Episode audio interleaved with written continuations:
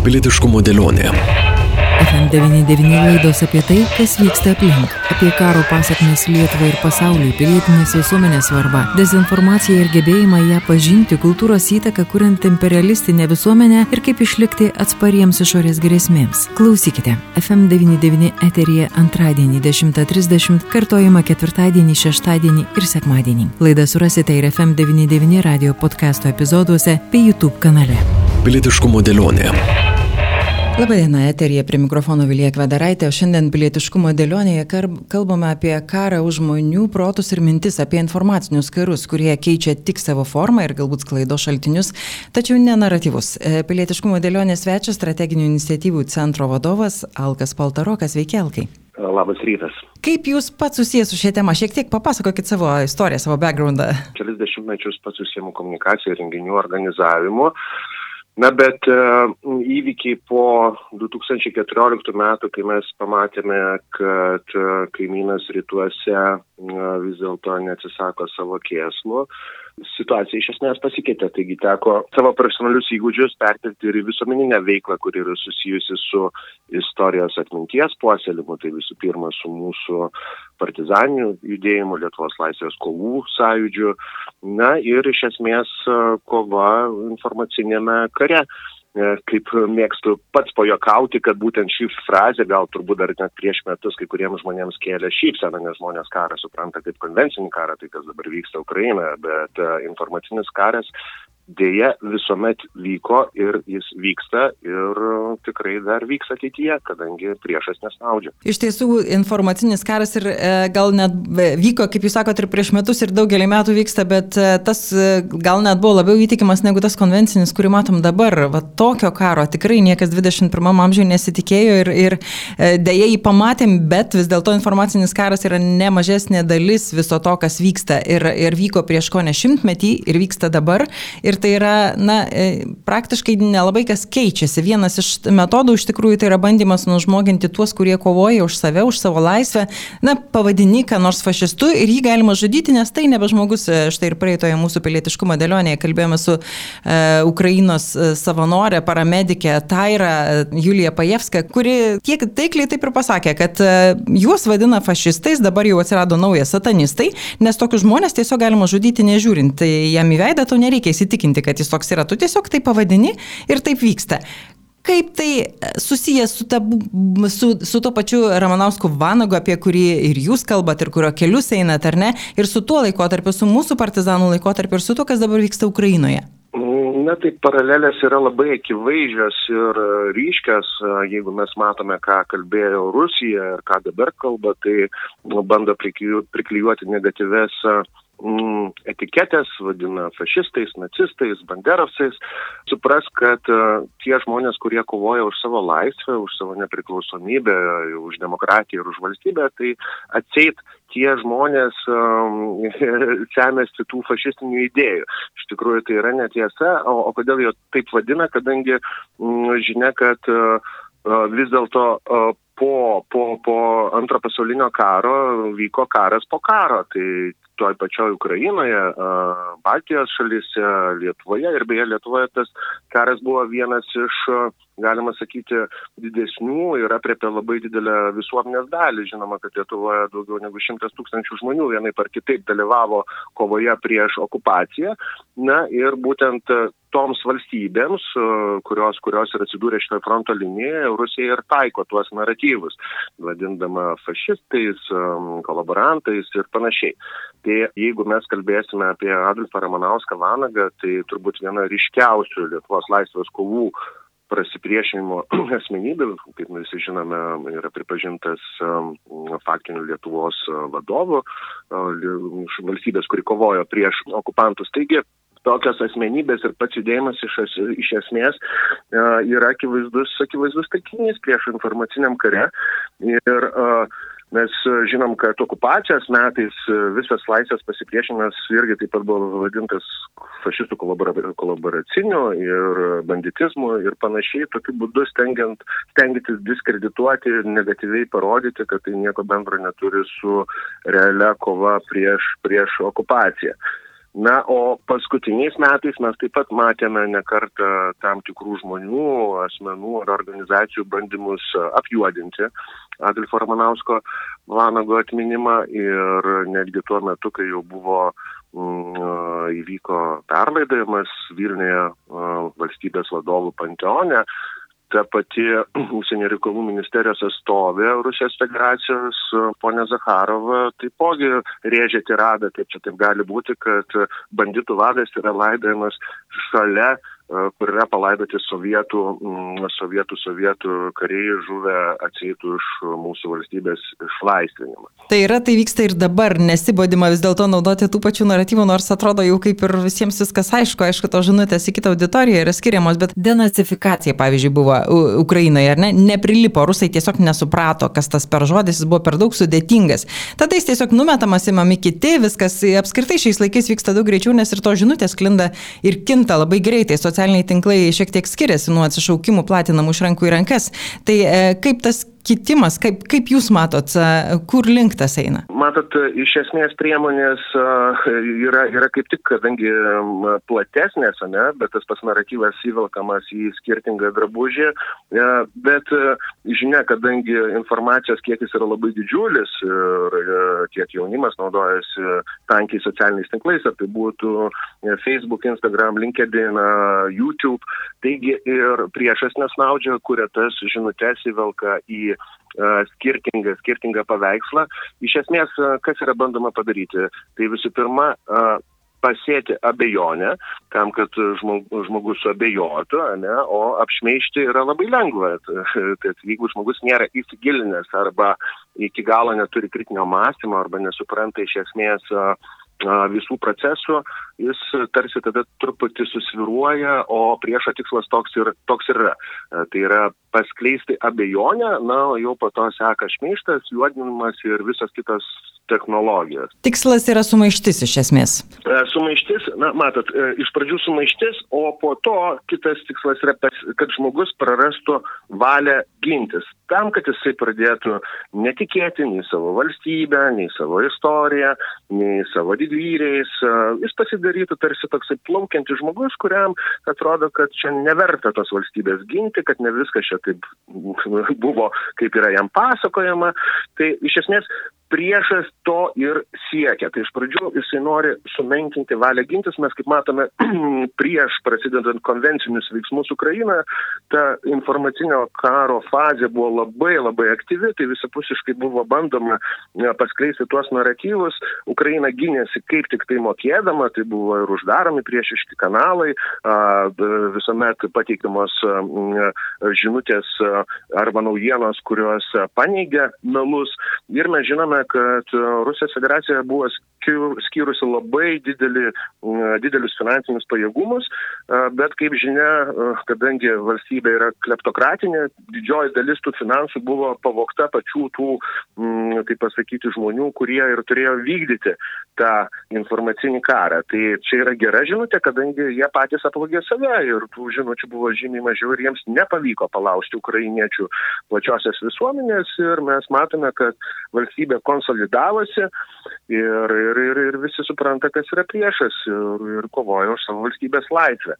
Taigi Lietuvoje yra labai panašu. Ir, ir ką mes matome, kad vis dėlto tas karas nesustoja. Yra skirtingos priemonės, priešas naudoja, naudoja gudriai, labai įpina tas žinutės į skirtingus uh, drabužius, tam, kad būtent paskleisti nepasitikėjimą. Ir tos rusiškos žinutės, kurias, kaip jūs ir sakote, Ukrainai tai dabar nebeveikia, ar ne, jau, jau tauta susivienijo ir tiesiog jie žino, kas su kuo ir apie ką, bet tos rusiškos žinutės da, su apie visus nacistus, fašistus, satanistus, jie da, dabar iš esmės taikomos į tą vietinę, tą rusišką auditoriją nes jiems reikia įtikinti jau viduje, kad viskas, kas vyksta, yra labai teisinga ir teisėta. Ir nepasakysi, kad nepasiekia ausų, pavyzdžiui, ir toje pat Lietuvoje, nes, na, pasižvalgius ir po, po tą informacinę erdvę lietuvišką, tikrai netrūksta tų naratyvų skleidėjų. Aišku, neaišku, kiek tai yra botai, kiek tai yra tikri žmonės, tačiau tikėtina, kad jų yra. Na, vis dėlto, kaip tas vyksta? Tikrai taip. Matot, kadangi mes esame demokratinė valstybė, turime laisvės žodį ir galimybę reikšti savo nuomonę, tai priešas suklaidina tam tikrus ir mūsų vidaus piliečius, visų pirma, tam, kad jie galėtų skleisti tas melagienas arba, arba abejonės. Na, vis dėlto mes visi džiaugiamės savo demokratiją, kad galime laisvai išnekėti, bet taipogi tai yra ir galimybė priešiškom jėgom naudotis tomis demokratijos laisvėmis.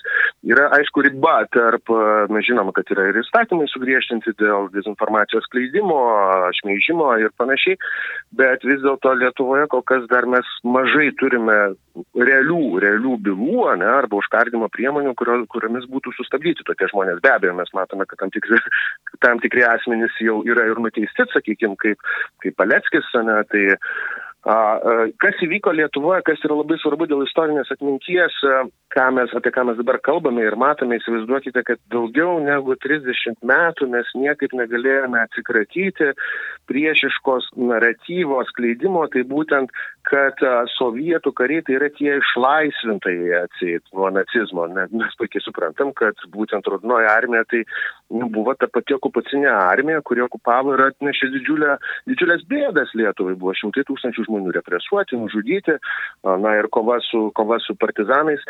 Čia labai svarbu paminėti, jog 2019 metais Europos žmogaus teisų teisme byloje, kuri tęsiasi daugiau negu 20 metų, tai kur buvo Auksutė Ramanauskaitės Kokauskė, nepripažinta nukentėjusi, šią bylą laimėjo ir Europos žmogaus teisų teismas pripažino, jog Lietuvoje nuo 1944 iki 1953 metų buvo vykdomas genocidas.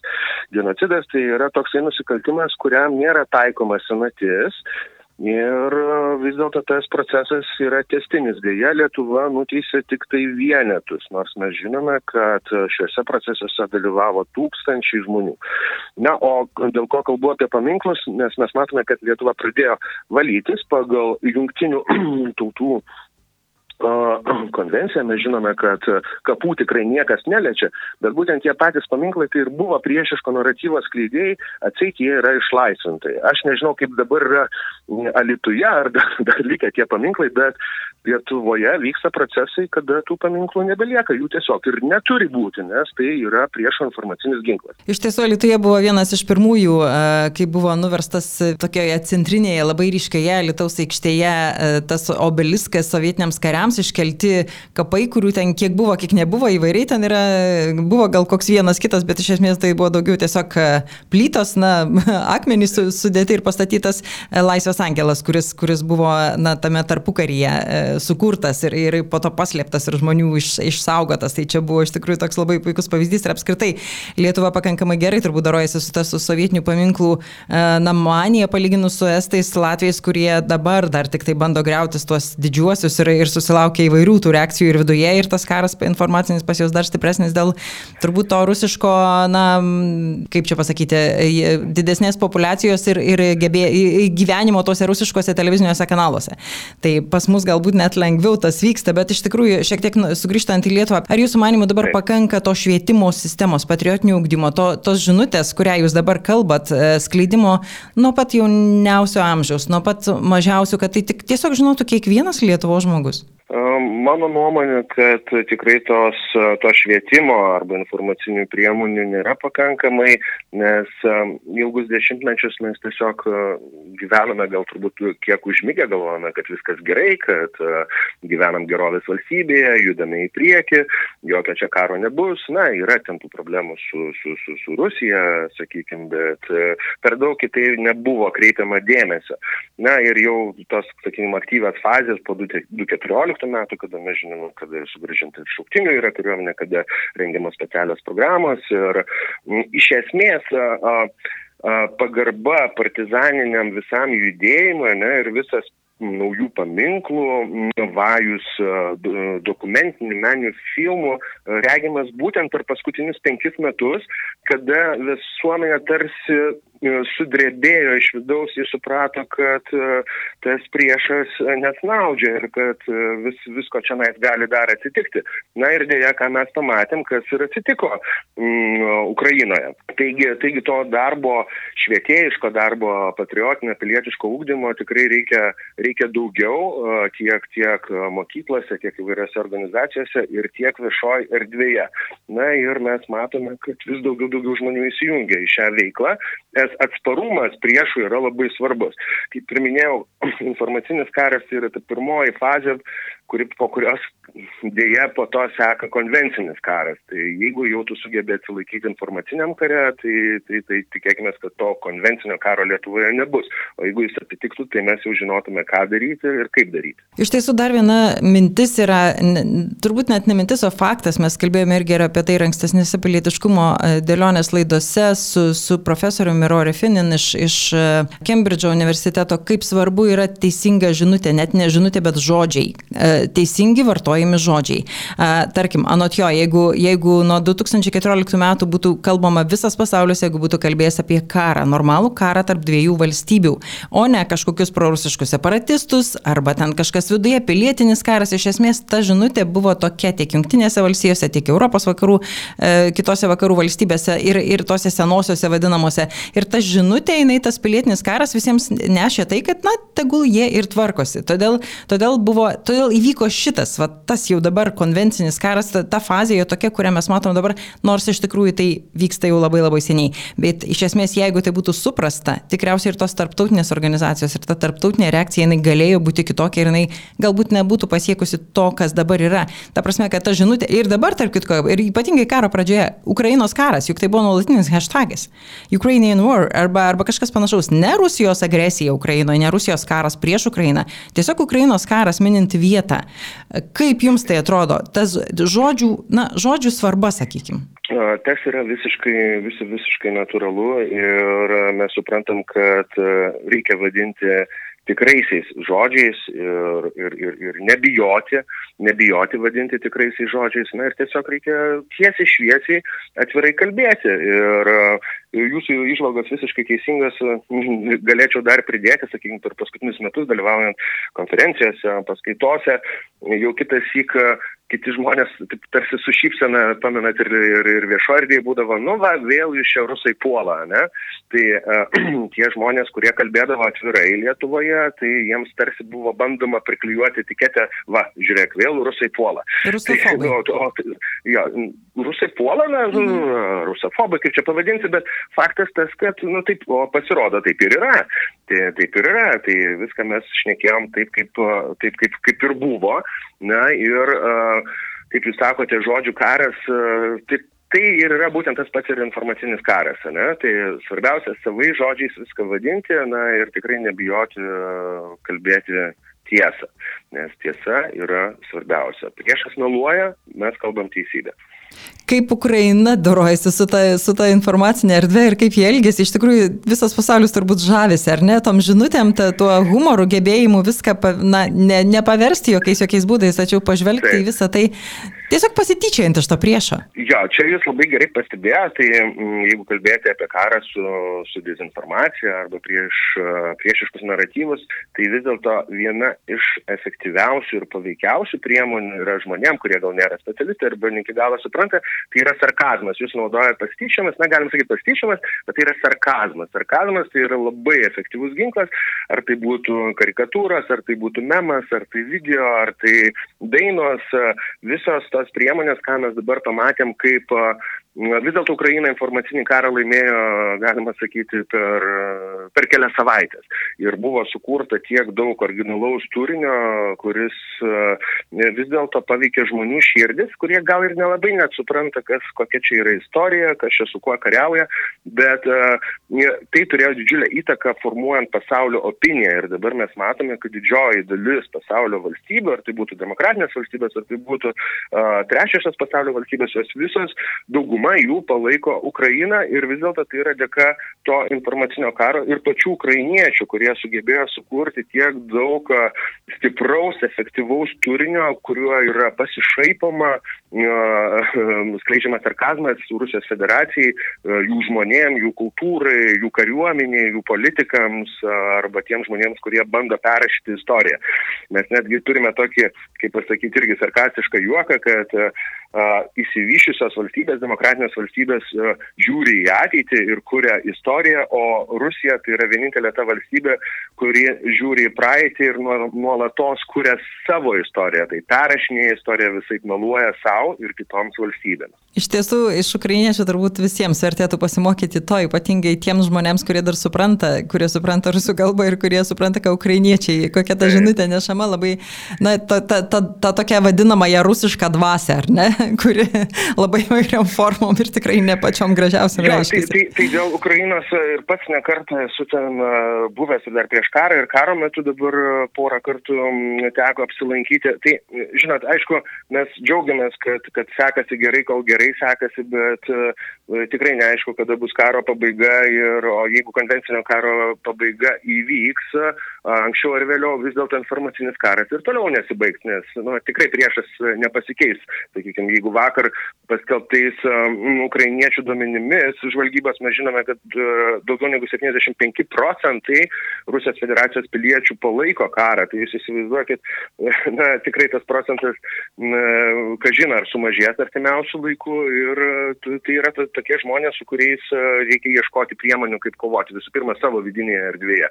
Mes negalime pasiduoti mes turime būti budrus, nuolatos kalbėti visų pirma apie mūsų partizaninį pasipriešinimą, apie mūsų didvyrius, apie mūsų gebėjimą nepasiduoti okupacijai ir, ir būti su, su, su stipriai pasiryžusiems. Rusijoje už tas užteršto žmonių protas, jisai čia jau atskira tema, kuri iš tikrųjų be galo didelė ir turbūt niekas nežino, kokia ten reali situacija, nes ir tos apklausos galima galvoti vienaip arba kitaip, kas paskambinus telefonu tau pasakys šiais laikais Rusijoje, kad nepalaikiau tai, karą. Tai... Dėl, apklau, dėl apklausų, tai faktas tas, kad kad e, nėra Rusijoje nei vienos, e, nei, nei statistikos teisingos, nei, nei apklausos, nes neįmanoma, kaip jūs ir sakote, padaryti tos apklausos, kokie mes tik tai galime daugmaž nuspėti, koks, kokie, koks yra požiūris, nes tai yra valstybė, kur visiškai nėra demokratijos ir absoliuti cenzūra ir to laisvo žodžio tiesiog nėra likę. Ką Lietuvoje reikia daryti, kad net būtų 90 procentų palaikančių, o būtų 100, kad būtų absoliučiai visiems aišku, ką mes turime dar padaryti savo šalyje? Na, matot, 100 procentų tai turbūt tas maksimumas, kurio galbūt mes ir niekad neturėsime, vis dėlto dalis e, procentas tam tikras visuomenės yra abejingas arba politiškas arba paskendęs savo asmeninėse rūpešiuose ir nieko čia nepadarysi, dėja taip yra. Kol tai nepaliečia jo paties asmeniškai. Tai labai yra svarbu ieškoti priemonių ir uh, skleisti, skleisti tą žinę, uh, būtent ugdyti patriotizmą. Ne viskas prasideda nuo patriotizmo, kai tau rūpi tavo šalis, uh, ar jinai prastesnė, ar geresnė, nesvarbu, kas tuo metu yra, uh, sakykime, valdžioje, tu tau valstybė yra svarbiausia. Ne? Tai tu galvoji ne tik tai apie savo gerovę, bet tu galvoji apie savo kaimynų gerovę, apie savo miesto, apie, iš esmės apie savo valstybės gerovę. Ir kai atsiranda toks suvokimas, tada atsiranda ir veiksmas. Kiekvienas gali atrasti e, būtent kuo jisai gali būti naudingas uh, savo, savo valstybei. Jeigu tu, tu nerašai straipsnių, arba neorganizuoji žygių, arba nekuri dokumentinių filmų, arba nevedi paskaitų, tu gali tiesiog kalbėti su savo bendraminčiais, su savo giminaičiais, su savo draugais, uh, su savo uh, bendradarbiais apie tai, kas yra svarbu. Tai prasideda būtent nuo to um, mažojo socialinio sluoksnio, kada tu savo aplinkoje parodai, kas tau rūpi ir bandai įtikinti savo savo, savo kolegas, kad jiems taip pat būtų svarbu valstybė, valstybės gerovė. Taip, ir svarbiausia nebūti abejingų, tai čia turbūt e, taisyklė numeris vienas. Ir... Taip, šiandien noriu padėkoti Jums, pilietiškumo dėlionės svečias buvo strateginių iniciatyvų centro vadovas Alkas Paltarokas. Ačiū Jums už pokalbį. Ačiū Jums labai. Pilietiškumo dėlionė. Prie laidos finansavimo prisideda spaudos radio ir televizijos rėmimo fondas.